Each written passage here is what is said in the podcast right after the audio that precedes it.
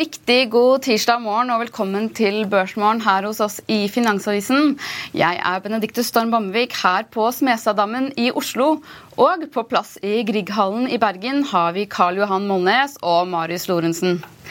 Vi har kommet til tirsdag 6.2, og i denne sendingen blir det straks mer eh, om resultatene fra Nordic Semiconductor, hvor det ventes et kraftig kursfall fra start. Men vi skal også innom inkassoselskapet Intrum, som klappet ned eh, minus 26% i Stockholm i går, samtidig som vi skal gjennom trafikktall fra Norwegian.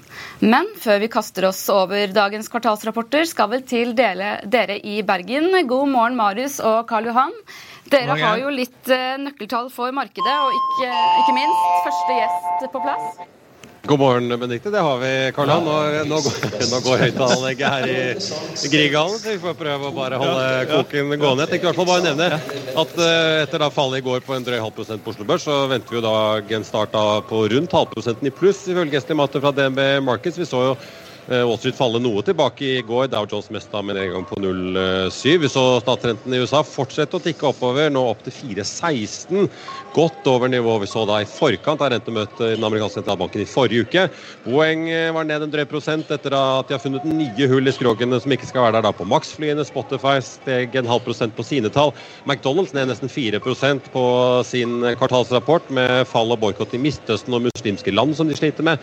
Caterpillar opp på sine tall. Estee Lauder spratt opp rett og slett på nyheten om at de skal nedbemanne, og leverte også tall som var eh, som, uh, omtrent som markedet hadde håpet på. i hvert fall. Asia ser vi opp stort sett i dag, med unntak av eh, Japan. Nordsjøen også litt i pluss, opp en halv prosent til 78,22, men ikke helt på 80 dollar fatet. Vi skal innom noen interessante uttalelser fra sjefen til Warren Buffetts oljeselskap litt senere. Ellers så får jeg også ta med Nordea med eh, nesten 4,5% i Stockholm på sine tall. DNB trimmer litt inn der på kursmålet i frykt av mindre utbytter. Og så er det da et stort aksjesalg i Oddfjell.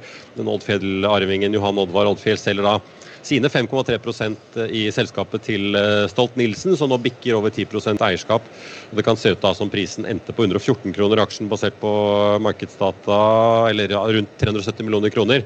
Eh, en rabatt eh, på 23% på sluttkursen i går, men salget får vi si, ligger jo da på nivåer der aksjen lå like før eh, jul.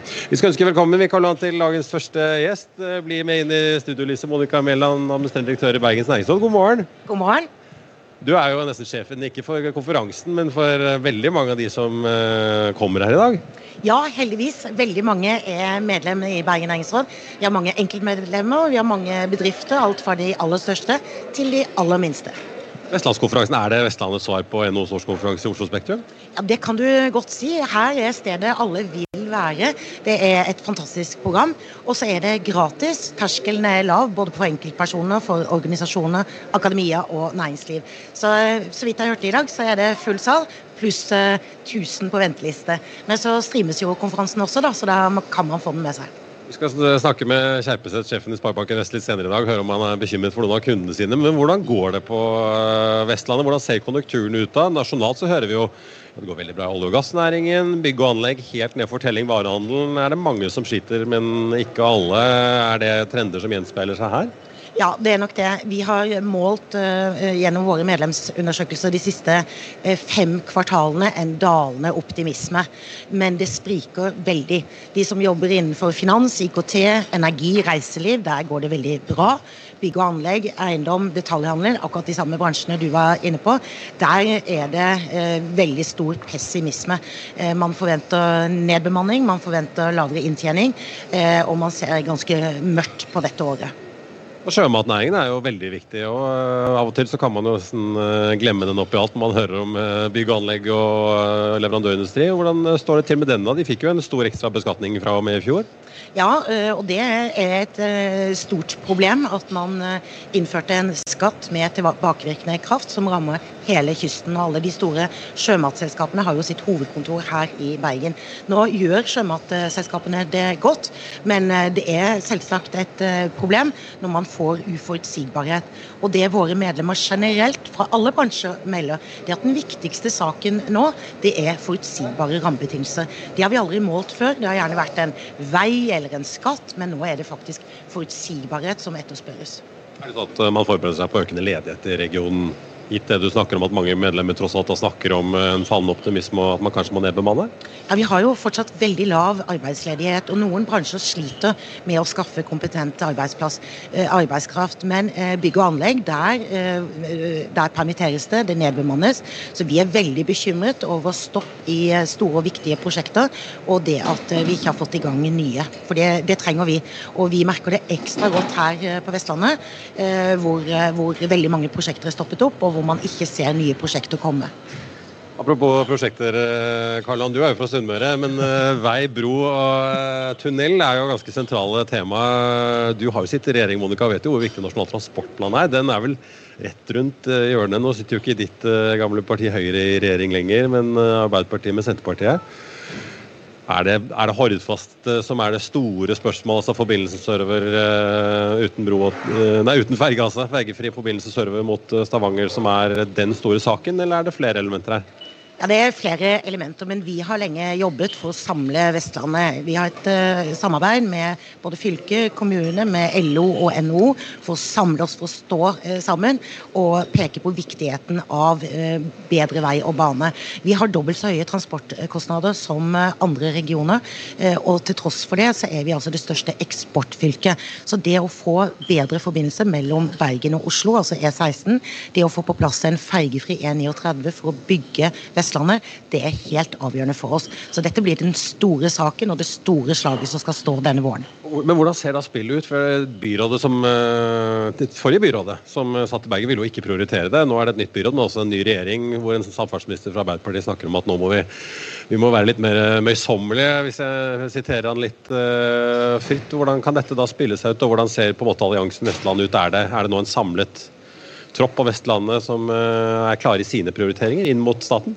Jeg oppfatter at vi står veldig godt sammen om viktigheten av både kollektivutbygging i Bergen by, som, eh, som, det er stort behov for, men ikke minst at vi får bygget Vestlandet, og at vi får bygget bedre forbindelse mot øst.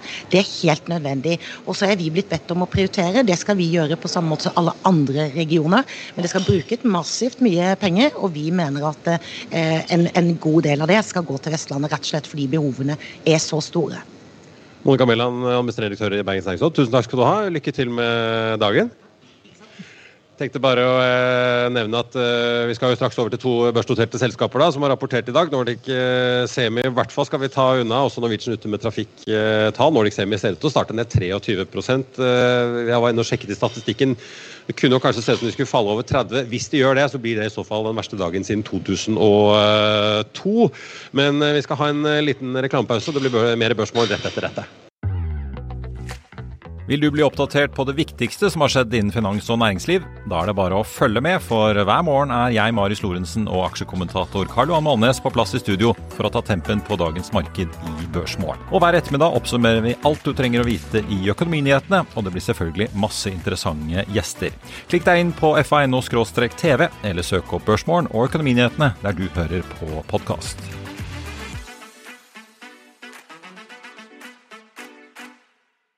I'll see you in court. Vi sier det ofte litt på spøk, men for deg som driver business, er det aldri moro å innse at du ikke har laget en 100% gyldig kontrakt. Du bør ikke risikere hele firmaet ditt fordi du synes dette med kontrakter er litt stress. En avtale er ikke en avtale.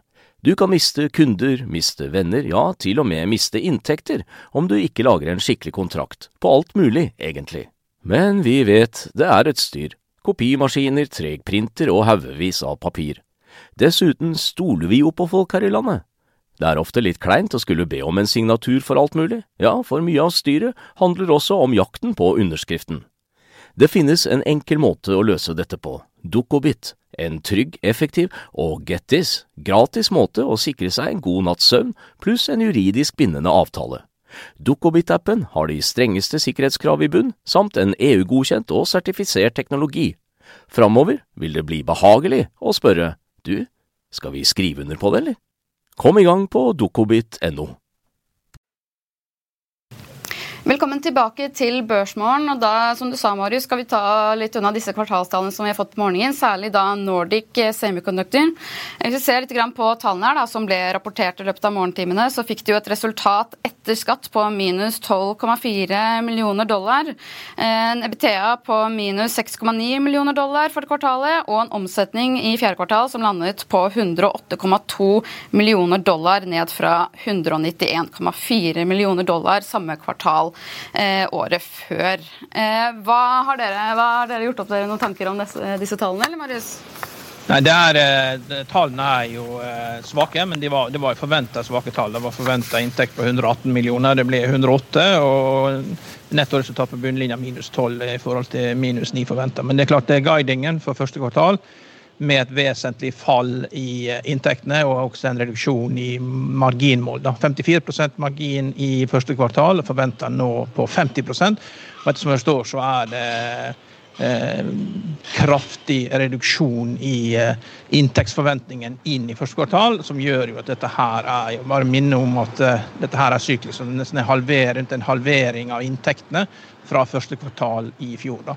Dette er halvlederindustri, og dette her er de minst avanserte halvlederne. Og dette her er en film som kommer til å dukke opp i de andre halvlederaksjene om et års tid ca. Så man må ikke glemme at Nvidia er en veldig syklisk aksje, og det kommer man til å merke en vakker dag. Men uh, Karl Anne Benedikte, Benedikte, du følger dette selskapet uh, godt. og Karl Anne, Du har jo fulgt med på det nå. Vi har masse resultatvarsler vi har hatt uh, det siste året fra Nordic Semi. Sjefen er byttet ut. Nå har vi Uh, Vegard Våland, uh, som er den nye sjefen, han begynte vel strengt tatt nå 1.1 akkurat. Uh, sendt Tore Larsen, som bygde opp dette selskapet fra en markedsverdi på null til over 20 milliarder, og langt mer på det meste. Han er ute, ikke i styret. Ja. Så det skjer jo mye. og Litt tilbakekjøttprogram har de lansert, men det virker jo ikke å hjelpe på, på markedets reaksjon, dette her. Nei, det. Men det er klart selskapet her kommer tilbake. og det signalet man da kan jo vente på, er jo da når Svein Tore Larsen igjen går tilbake igjen inn i styret. Altså Han har jo tatt seg en pause nå og skal være eh, rådgiver, men eh, jeg tipper jo det at han kan komme tilbake igjen inn i styret om ikke så altfor lenge. og Det vil jo være et kjøpsignal. da, At man liksom får slippe å være med på den rutsjebanen som dette her er. Det er jo andre som må fronte det. Det er 100 ansatte som Det er restrukturering, 7 av arbeidsstyrken ser ut til å måtte gå, med 100 ansatte som måtte gå. det det er jo klart det er tøffe tak, men det er klart det er enorme summer her. Altså, vi bruker jo for Sunnmøre å bli imponert av at Ekornes gikk fra 40 millioner til 6 milliarder i verdi, men her liksom, har det liksom gått fra 0 til 40 milliarder. ikke sant? Og nå er det ned på 20 og kanskje litt under 20 nå, men det er jo enorme verdier som er skapt. Så det, er jo et fantastisk selskap. Det kommer til å komme tilbake. Men da må man bare huske på at det er syklisk, og det, man skal ikke kjøpe det i løpet av neste tre måneder. Nei, jeg, ser, jeg tenkte bare skulle nevne det, Benedicte.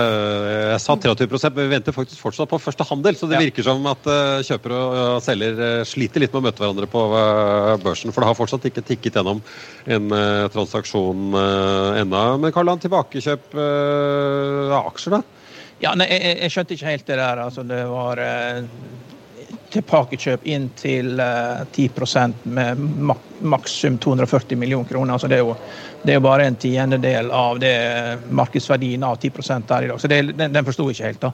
Men det er mulig at det er noe feil der nå. Eh, det kanskje det er 240 millioner dollar det skulle stå. Jeg vet ikke. Det er, det er uh, det virker, Størrelsen på tilbakekjøp virker veldig lite i forhold til at det var 10% av selskapet. Ja. Benedicte, du eh, har jo som jeg nevnte fulgt helt selskapet tett. Jeg vet ikke om du har rukket om Vegard Vollan har vært ute og møtt eh, journalister ennå, om du har fått noe inntrykk av han? Nei, jeg har ikke det, men det virker som de fleste i bransjen er positive. Hvis du snakker med analytikerne som har noe kjennskap til han. Han har jo vært i bransjen eh, ganske lenge. Jeg eh, fikk ikke akkurat med meg noen store uttalelser fra han i dagens rapport, men det blir jo eventuelt videre utover dagen, så kanskje man får sjansen til å ta en prat med Vegard for å se hva planene er eh, fremover. Jeg vet i hvert fall at det er liksom lønnsomhet, og skal prøve å få til en snuoperasjon i Nordic nå som står, er førstepri hos Vegard Vollan der. Så det blir jo i hvert fall veldig spennende å følge med på. Da. Eh, en annen ting også som bare er greit å legge frem, er jo det Som sagt, eh, Karl Johan de har jo kuttet nå forventningene til første kvartal til intervallet. Det er 70-80 millioner dollar nå i første kvartal. Og omsetningen til Nordic har jo ikke vært så lav siden eh, slutten av 2019. Så vi går jo ganske langt tilbake nå. Og så ser vi at Nordic Semiconductor har heller ikke tapt penger kvartalsvis siden, altså første kvartal 2020. Så det er jo, vi går ganske langt tilbake. Det ser ut som mye av den selskapsveksten som man så under pandemien nå, har eh, kommet tilbake til normale nivåer. Da. Så vi får se hvordan dette her blir videre. Ja. Ja, Guidingen på inntekt er nøyaktig da, halvparten av det det var i første kvartal 2023. Så det er et bratt fall på veldig kort tid. Ja, Det er ganske brutalt, altså. Ja. Jeg tenkte jeg bare måtte nevne dere en annen aksje som har sluppet tall i dag, Multiconsult. Faktisk opp 10% fra start. Jeg ser TDN siterer ledelsen her på at markedsutsiktene er noe forbedret sammenlignet med med da forrige kvartal, så det er jo en aksje som i hvert fall går eh, stikk eh, motsatt uh, vei. Jeg vet ikke om du har tittet noe på det? Karl han, jeg har tittet på det. tikket oppover fra 97 til 118 millioner mot uh, samme tid i fjor. Utbyttet blir på 8 kroner aksjen, og ordreinngangen var på nesten halvannen milliard. Det var veldig mye informasjon på en ustrukturert måte, så hvis jeg skulle gjette, da, så ser det ut som at det er ChatGPT som har lest alle tallene og så har han spytta ut masse ord. Det var veldig vanskelig å finne hva som var viktig og uviktig. Det var så da må jeg bare si det, dette overlater jeg til analytikerne, for det var så utrolig mange forskjellige krefter som trekker i ulike retninger. Ikke, så det, dette overlater jeg til analytikerne å sortere ut og konkludere med. Men at det, det er gode tall, det er det kan jo virke som i hvert fall markedet ventet en liten uh, brems. Uh, Benedikte, jeg vet ikke om du har noe mer på Nordic Semi, ellers tenkte jeg vi må jo også innom Inkasso og, og ja, i hvert fall Inkasso. Og kanskje også uh, Palantir, for Benedikte den hoppet jo 17% i går. Ja, de gjorde det etter Q4-rapporten, selv om de leverte som ventet. Ja, inntektene steg jo Karl 20 ja. og dette er jo, dette er jo hatt på sin nye hyttekongen av Hafjell, har jo vi lært hvis ja, man leser Finansavisen. For toppsjefen der, Karp, Uh, Alex Karp altså, har kjøpt hytte på Hafjell, for han er så glad i å gå på langrenn. Det er jo eksotisk av en amerikansk toppsjef. da. Han har posisjonert seg for å hjelpe den amerikanske regjeringen med å sortere data. Hjelpe under covid, hjelper under krig. Uh, sortere ut liksom uh, minesortier i, i, Afghanistan. Og flyttet hovedkontoret da, fra Silicon Valley til Denver. Uh, og mener at andre burde gjøre det samme da, og ikke gå og trakke og leve av og, og selge annonser til, til, oss. At liksom, eh, man må ha et høyere mål. Da. og Det er jo det som skiller da Palantir fra Cognite. det er jo at eh, Eh, Palantir har et klart mål, og, det er jo en eh, De har jo skikkelige kunder og blir stolt på av helsevesenet i Storbritannia og det amerikanske militæret. Mens, eh, mens eh, Cognite de driver jo sorterer data for oljeselskaper som tjener så mye penger at de vet ikke hvor de skal gjøre av de. Nei. Det er litt, litt annen mission. altså Det er veldig viktig at det ja, tredoblet uh, resultatet etter skatt da, til 93 millioner dollar ja. Q4. Jeg snakker om en endeløs etterspørsel etter disse store språkmodellene. Jeg vet ikke, Du følger jo tech-sektoren, Benedicte, men altså Palantir sier de økte fra 100 til 600 kundepiloter som pågår eh, for tiden. Ganske hektisk aktivitet på kammers i mange bedrifter da? Ja, de, de, sorterer jo ut, de sorterer jo ut uh, delflytene i Airbus også. De er jo hovedkunden deres. Og så begynner de å komme inn mot Boeing også. De har Federal Aviation Administration har jo leid de til å passe på at Boeing skal gjøre det bedre. og det, de, de kommer sikkert til å få mer å gjøre der. så det Gjennom Palantir er et selskap som eh, gjør arbeidsoppgaver som er veldig viktige, og nå ser det ut til å få betalt for det. Ja. Så, uh, vi, dere, vi må nevne forsikring òg. Uh, ned over 20 Intrum. Jeg ser den ser ut til å stige kanskje snaue fem i dag, da, så en liten rekyl, men likevel brutal kursreaksjon ned for en av de største inkassoselskapene ja. vi har i Norden. Det er jo ikke lenge siden sjefen i konkurrenten Kredinor, Klaus Anders Nysten, måtte gå. Ja. Nei, og, og, det er jo mange, De hadde jo forskjellige historier om hvem som hadde betalingsproblemer. Men vi så jo allerede for, det var for ett år siden jeg skrev eh, inkassogigant har gått i luksusfellen. og eh, Det er jo eh, litt vanskelig å skjønne helt eh, hvilke problemer de har påført seg sjøl, men hovedtallene stemmer jo ikke. sant? Der mangler jo det er et hull der. og Om det er fra hvilke porteføljer det er i Italia eller Spania eller hvor dette kommer fra, det er jo vanskelig å si. fordi det, er jo opp til selskapet å levere på de tallene de, skal levere på. og mm, Når hovedbildet ikke stemmer og du er ikke i stand til å hente inn penger og det er klart De prøver jo å hente inn penger før årsrapporten er framme. Det er alltid mye enklere å komme ut og hente inn penger når du har lagt fram en skikkelig årsrapport. Eh, og det, Vi har ikke kommet så langt ennå at de har gjort det. Altså, jeg er ikke overrasket, men det som er overraskende her, er jo at du må gå og vente på at det er et ratingbyrå som gjør at uh, du trekker ut liksom uh, Som napper ut den siste treklossen? Ja, det, som gjør at du trekker ut proppen. Det, og det sitter da fem analytikere,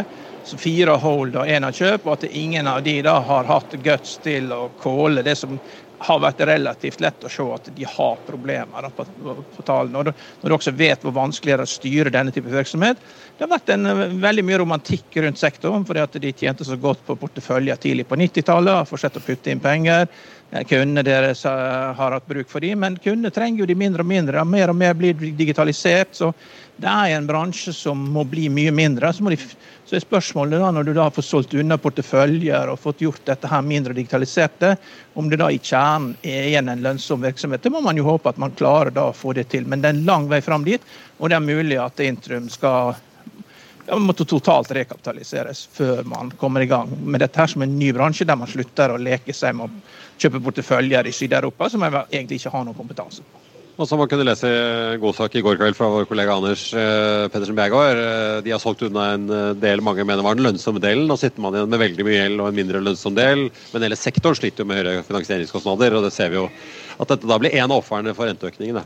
Uten ja. tvil. Ja, men de, de, de, var allerede, de var, hadde allerede problemer før renten begynte å komme inn, begynte å stige. så det er klart Når du da ligger og låner, må låne helt opp i 15% du kutter utbytte, du får ikke inn egenkapital så er det ikke så overraskende at det, man er der man er. Men veldig skuffende da på vegne av svenske, svenske børsmeglere at det er, et, at det er liksom et ratingbyrå som må dra ut pluggen liksom for at alle skal skjønne hvor ille det er. Benedikte, jeg sitter og holder et øye med Nordic Semi, for vi venter fortsatt faktisk 15 minutter inn i børsdagen på en transaksjon i den aksjen, så det virker som folk virkelig sliter med å bli enige om en eh, pris her på kjøper- og uh, selgersiden. Ja, så vi får se da, om det, faller ned 20 eller 30. Det står jo her, Vi skriver jo selv da på Finansavisen at aksjen stupte så mye som 23% faktisk i førhandelen, men at det er innført børspause som følge av unormalt høyt handelsvolum fra start. Eh, så det går vel nedover. I stedet for sikringen er eh, godt, ja. Ja, jeg tror det. Vi gjør det. Vi sitter jo og følger med på Nordic, men vi følger også med på Norwegian, som foreløpig ligger og vaker rundt eh, null etter at de kom med trafikkrapporten Benedikte, da for januar. Fraktet 1,1 millioner passasjerer. Nå for første gang er også Widerøe-tallene med i kvartalsrapporten fra Widerøe. 250 000 passasjerer der. Fyllingsgraden hos Norwegian økte faktisk med 5 prosentpoeng i januar mot januar året før, til 83,1. Det er jo selvfølgelig Norwegian-ledelsen fornøyd med. De tok ned kapasiteten med 3 Fløy da 63 fly. Det er jo drøye 20 fly færre da enn de pleier å gjøre på sommeren. Som de da har tatt ut eh, rett og slett fordi det er lavsesong nå for tiden. Etterspørselen, eh, sier konsernsjef eh, Geir Karlsen, til de såkalte stranddestinasjonene, eller det mange kaller Syden, fortsetter å ligge i øvre sjikt av våre forventninger. Sitat slutt, Det er det da Eh, Norwegian eh, peker eh, på. Ellers er Graham Car Carrier ute med et par transaksjoner. Selger det 2010-bygde fartøyet Viking Amber for 65 millioner dollar og tar en gevinst på nesten 37 millioner. Og så har vi da CM Offshore også med kontrakter på nesten 700 millioner dollar, som er ute i dag. Karl-Johan, jeg tenkte bare kort McDonald's må vi nesten innom òg. Sliter i Midtøsten. Mange muslimer som boikotter kjeden etter konflikten som har blusset opp igjen mellom Palestina og Israel? Ja, nei, Det har mange sideeffekter, dette her. Så, det slår inn eh, ikke bare i Midtøsten. Ja. Indonesia, Malaysia skriver de, til og med Frankrike. Ja, nei, det er, eh, det er for mange utslag, dette her. Ja. Eh, så det, vi får bare holde oss fast. Det er bare begynnelsen, dette her. Vi skal jo snakke havbunnsmineraler straks. Jeg bare tenkte også å nevne, jeg ble litt fascinert av uttalelser fra Occidental Petroleum-sjefen Vicky Holleb som var i Phoenix i går, intervjuet på CNBC. Dette er oljeselskapet Warren Buffetts Berkshire Hathaway har satset stort på. Driver jo i mange ulike land rundt i verden, men eh, mye på land i USA òg. Hun pekte jo på at uh, Rødehavet-situasjonen gir først og fremst litt sånn disrupsjon i leveranser, ikke så mye prispress. For prisen i dag, sier hun, presses av tilbudssiden. Men uh, Trygve Hegnar hos oss har jo snakket om tilbudssiden, vi har snakket om tilbudssiden, at den holder oljeprisen nede. Men hun sier pass på nå, om ca. to år, da kommer det et skifte, mener hun. og Da, liksom, da blir det rett og slett for lite olje inn på tilbudssiden. Og Hun påpeker at uh, vi har erstattet da under 50% av det som er produsert av olje det siste tiåret med uh, nye funn. Så uh, vi ser jo folk i oljenæringen fortsatt går med dette mantraet om at det er underinvestert ja. over år her. Men uh, med, med størrelsen på Permianfeltet og den oljen som finnes langs østkysten av Syd-Amerika, så det har tidligere vært mer bekymret for oljen enn dette her. altså. Det, jeg tror det er nok olje i verden. Jordkloden er stor. Det interessante blir også en ekstremt syklisk industri. Om de da nå sliter med litt lav pris, om det da kommer en baksmell om noen år. Det pleier jo å komme. Ja. ja vi får se.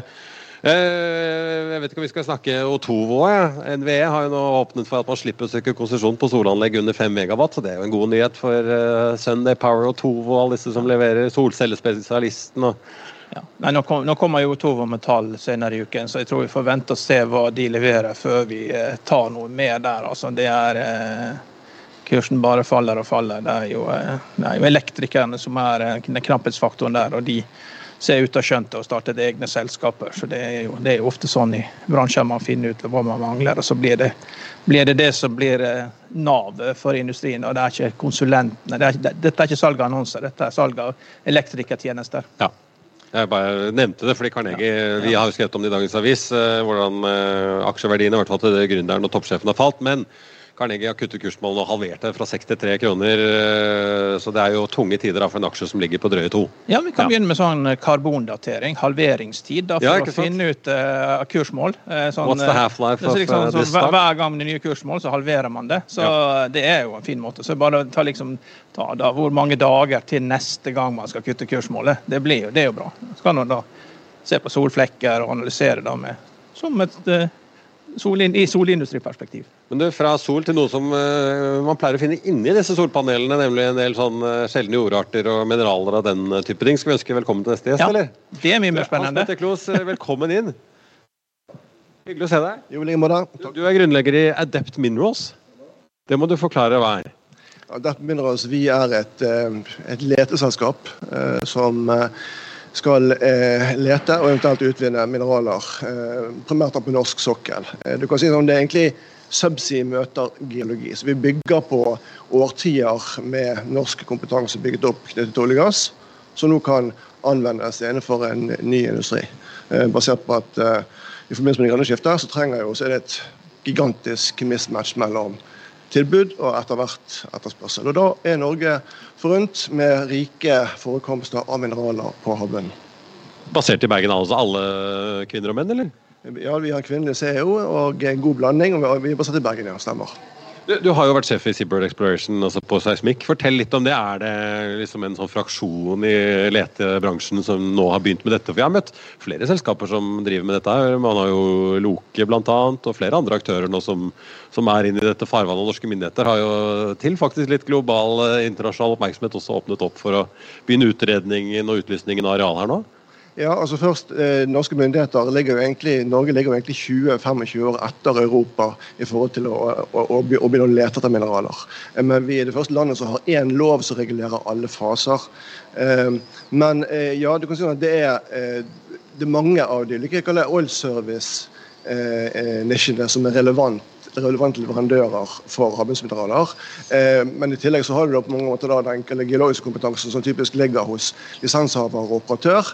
Eh, som, som, Vi er da den typen. Vi er ikke et serviceselskap, vi er en lisenshaver i forbindelse med den første lisensrunden som vi forventer blir annonsert eh, senere i 2024. Basert på at Stortinget åpnet for kommersiell leting tidlig i januar. Hva, hva planlegger, dere for, planlegger dere for at dette går som Energidepartementet har skissert, eller regner dere med at det kommer søksmål som vi har sett? Vindindustrien rammes av på Fosen bl.a. og Aker BP annet, sliter med nå på Yggdrasil-feltet de bygger ut. Vi, vi, vi, planlegger for at denne runden eh, vil skje i altså Letelisenser blir tildelt eh, la oss si, tidlig 2025 basert på en, en lisensrunde i 2024. og Vi forbereder oss i forhold til det. Eh, akkurat i forhold til den siste dommen, så eh, det er ikke ekspert på det, men, men hvis jeg tar ett eh, et punkt, da er vel det at det var, de ønsket en ytterligere si, miljøundersøkelser. og Det er jo noe som vi vet at vi vil bli målt veldig grundig på. Ressursbiten er en ting, men hvilken påvirkning har det på miljøet? Det er noe vi har jobbet med eh, grundig og lenge allerede faktisk, for å utvikle metoder for å gjøre mer effektivt enn det som skjer i dag. Vi har jo olje og gass her i landet. Karl Er det nå vi skal ta svenskene på gruvedrift òg, eller? Ja, altså, Har ikke det vært foretatt en testundersøkelse ved Universitetet i Bergen? Er de dataene offentlige? Dataene er ikke offentlige, men eh, ja, det var et tokt her på vårparten hvor Universitetet i Bergen gjorde sammen med oss som på testet noe utstyr. De gjorde det som beskrives som 'discovery by accident'.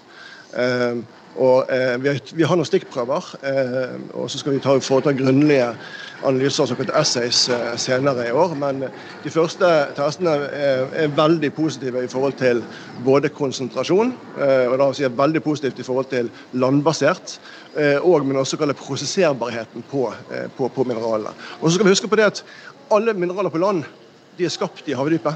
Og så er det geologiske omveltninger som har transportert de opp på land. Opp, ja. ja. Og hvis du ser på lange kurver fra Australia på landbasert, så var kobberkonsentrasjonen i gruvene i Australia over 30 for 200 år siden. I dag produserer verden mellom 0,6 og 0,7.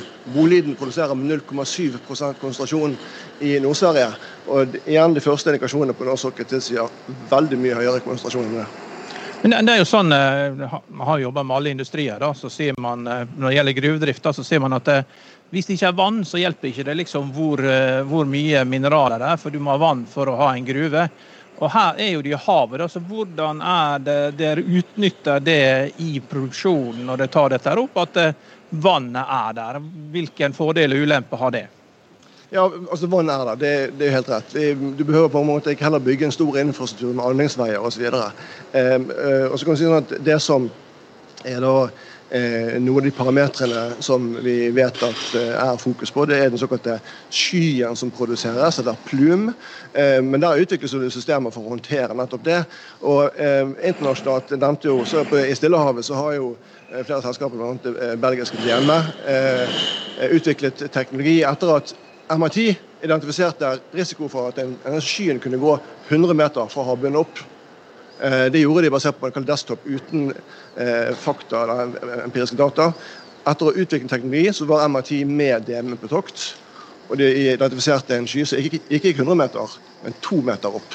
Så det viser på mange måter eh, hva teknologi kan gjøre. og Det er akkurat det samme som skjer nå i Norge. Store, tunge norske industribedrifter som kommer fra olje og gass, og landbasert, utvikler nå teknologi. Det skjer mye hurtigere enn det folk tror. Det er Mye lavere kostnader og mye høyere effektivitet. Eh, men det er jo nettopp for å håndtere og redusere den mulige påvirkningen eh, ved en eventuell utvinning. Men, men uh, oljen den kommer jo opp under trykk. ikke sant? Den er jo varm og kommer jo opp under trykk. Men du skal hente opp uh, bergarter langt ned i bunnen. og Hva er liksom kostnadene ved å få dette opp i skala? Da? Du skal jo få dette opp. Hvordan, hvordan skal man gjøre det, og hvor kostnadseffektivt er det? liksom? Ja, Det er jo eh, det er sånn med, med, høyere kostnader enn på land. Eh, altså, men vi, vi argumenterer sterkt for at eh, påvirkningen er mindre i havdypet enn på land. for det normalt Vi starter med ny teknologi, full transparens og helt gjennomregulert. På land så er jo halvparten av verdens miner finnes ingen informasjon om. Det er da til en artikkel i Nature. Så, eh, men vi utvikler teknologi nettopp måte, for å få ut skalafordeler. Vi benytter eksisterende olje- og gassteknologi, eh, altså reisesystemer. Men vi flytter pumper til overflaten, eh, vi gjør, gjør, lukkede systemer. Men det, alt handler jo på om å simulere for mest mulig effektivitet. Og energiforbruk er en vesentlig del av dette.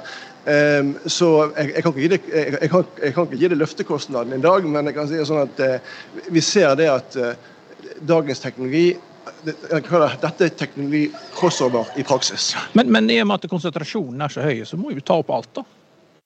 Konsentrasjonen av eh, malm, altså koppermalm i dette er så enormt høy at du må jo ta opp all stein, liksom. Det er høy konsentrasjon, det er det, ja. Og så, så vil vi nok, også basert på tyske BGR som sitter på de tyske lisensene, de har forsket i, i Indian Ocean i, i 89 år, siden 2015. Og, og, og for, ni, for, de så, er det, så har lærekurven vært bratt, men også forståelsen av forekomstene har vært kraftig opprevidert. Og eh, si, Tettheten av forekomstene er mye større enn det de trodde. Så Det betyr på mange måter at du har en situasjon hvor du kan high-grade. altså Du velger de forekomstene med høyest konsentrasjon, som ligger på de beste, heller grunne havdyp enn dype havdyp, og som vil ha minst eh, påvirkning på, på, på, på, miljøet. Så high grading vil være en element der. Hvis dere lykkes, så kommer jo staten om 20 år og skal ha voldsomme skatter av dere. Eh, er ikke det bedre å bare gjøre sånn som oljeindustrien har gjort, og skjønne at dette her blir lønnsomt, og så får man samme type skattesystem som det er for olje, slik at man da får hjelp til å finansiere investeringene med med at de, du får et fradrag for rentekostnadene. For du vet jo at med de, at med de konsentrasjonene så kommer det til å bli superlønnsomt, og staten skal ha sin andel. Men da er det like greit at de er med å ta med på andel av investeringene, at de blir en partner, og at de flinkeste selskapene da får sin andel. For det er nok til alle, bare man kommer i gang. Ja, I åpningsmeldingen så eh, antydes jo det at man anser muligheten for at det blir eh, høy lønnsomhet som stor, og at de antyder at det vil komme en grunnrente på et senere tidspunkt. Eh, og Det er et synspunkt som vi deler i forhold til lønnsomhet. og Vi anser, vi, vi anser det også som naturlig at det vil komme en grunnrente. Men da er det også eh, naturlig å få denne symmetrien.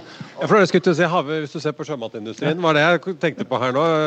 De har fått det i merdene og fjordene, men de har ikke fått offshore på disse havanleggene de prøver å bygge. Så de går jo også med det der dilemmaet at hvis dette går for bra, så får de samme skatten i etterkant, men da har de ikke fått fradragene på utbyggingen. Ja, da, og da bryter du på mange måter eh, skattesymmetriet. og Finansdepartementet liker ikke å gi fra seg penger, men samtidig, hvis det er én ting som er tungt fundamentert i Finansdepartementet, så er det skattesymmetri.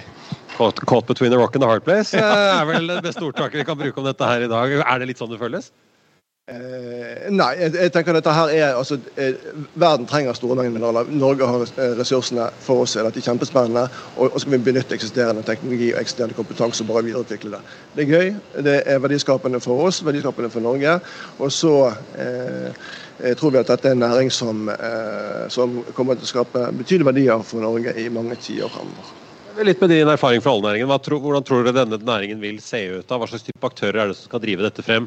Nå har vi jo sett nyetableringer, eh, folk med mye erfaring, men det er nystartede selskaper. Men vil vi se en Equinor, en Aker, en, eller holdt jeg på å si en Rio Tinto fra gruveindustrien, LKAB, plutselig komme inn her? Eller vil dette bli nye miljøer som bygges opp, tror du? Hvis du ser på eh, olje og gass som er, relevant her, så er det forskjell på letefasen og produksjonsfasen er veldig stor. Både på hvordan selskapene er organisert, og type kompetanse, eh, og balansen deres. I letefasen de store selskapene har sjelden vært gode, gode leteselskaper. Enig er et av unntakene. Eh, de er veldig gode på produksjon fordi de har en knallsterk balanse som gir de en lav kapitalkostnad og skalafordeler. Så du vil nok se det samme her. Det er på mange måter I letefasen er det én type selskap som eh, vil, som, som vil blomstre, og så skjer det på mange måter et, en, en stafettpinn gis videre til større selskap som har tunge balanser og som kan ta Eh, de store investeringene og gjøre dette og de tar skalafordelen ut. Men blir det da altså hvis du, analogien da, hvis du er eh, havbunnmineralnæringens svar på Lundin da, og finner noe stort, hvem er da Equinor som faktisk bygger ut Johan Sverdrup og drifter det etterpå? Er det da en av disse store olje- og gasselskapene som nå kaller seg energiselskaper?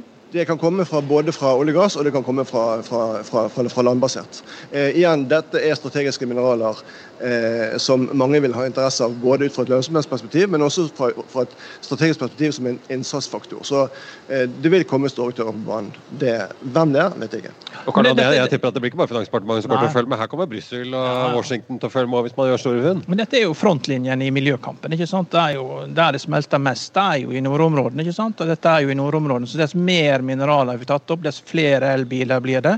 Dess mindre bensin og fossil trenger vi, dess eh, mindre global oppvarming. Så frontlinjen da, den går da mellom Jan Mayen og, og, Svalbard. Er det der eh, man skal lete, der man skal gå i gang først? Altså, åpningsområdet ligger mellom eh, Jan Mayen og Svalbard. Begrepsbruken er Monsryggen og Knipovitsryggen. Hvor, hvor langt er det? Det er, altså Arealmessig så er det et område Noen sier Italia, noen eh, tilsvarende Storbritannia. Men altså, det er jo en særdeles liten del av et område som vil være rent for, for, for utvinning. For det ene forekomsten av sulfider så er det anslagsvis godt under 1% som er relevant for, for, for, for mulig utvinning. Det er ikke mange nabovarsel man trenger der oppe heller. Det er jo miljøhensyn da må man bare passe på. Det er et område med lite aktivitet. ja. ja. Mulig du må varsle russerne, da. Ja. ja. Det kan jo være. Hans Petter Klos eh, i Adept Miros, tusen takk for praten, praten. Vi får si lykke til. Det blir jo interessant å følge det. En, det er jo en ny næring på en måte som yngles strøm her. Det er det absolutt. Eh, derfor sier vi syns det er veldig spennende, både for oss, men vi tror også at det er veldig spennende for Norge. Tusen takk skal du ha. Jeg tenkte bare å runde av, Karl Vi må jo titte litt på Nordic Semi-aksjen, bare veldig kort. Vi har fått noe handel. Ser det ut som ned 18,9 eh, her nå fra start, og det er litt eh, bevegelse. Men sikringen gikk eh, med et brak fra starten her, ned til da nesten ja, snaue 85 kroner aksjen. Multiconsult opp fortsatt godt over 10 til 137 på sine tall. Hovedveksten opp 0,4. Oljeprisen ja, snuser på 79, vi får se utover dagen. Men det blir surt for Nordic Semi-aksjonærene. Ja da, men det, det, de har hatt det surt ganske lenge. Så det, det, spørsmålet var liksom hvor mange flere var igjen å selge. Altså, dette her blir jo trading, da. Det er jo trading fram til det snur. da. Men det snur jo ikke de neste tre månedene, så ja, man har god tid. Og pluss 2,6% på Intrum, så litt uh, ja. sårslikking der uh, ja. i Stockholm i uh, dag. Det, jeg tenkte rett og slett bare runde av ved å si at det, det var børsmålen i hvert fall i denne omgang for denne tirsdag 6.2. Husk å få med deg Økonominyhetene 14.30 i dag. Vi skal snakke med sjefen i Meglerhuset Norne, sjefen i Sparebanken Vest og flere her på Vestlandskonferansen i Grieghallen. I mellomtiden så får du siste nytt på FA.no gjennom hele dagen, som alltid. På vegne av Karl Johan og meg selv, tusen takk for følget så langt. Vi ses.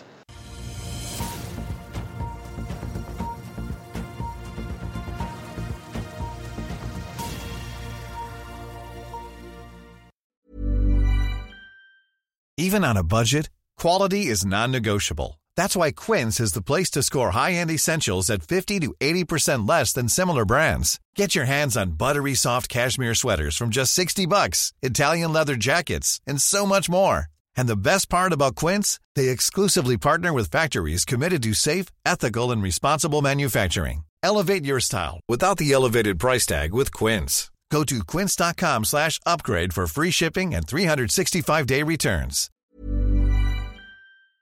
Økonominyhetene er en podkast fra Finansavisen. Programledere er Marius Lorentzen, Stein Ove Haugen og Benedikte Storm Bamvik. Produsenter er Lars Brenden Skram og Bashar Johar. Og ansvarlig redaktør er Trygve Hegnar.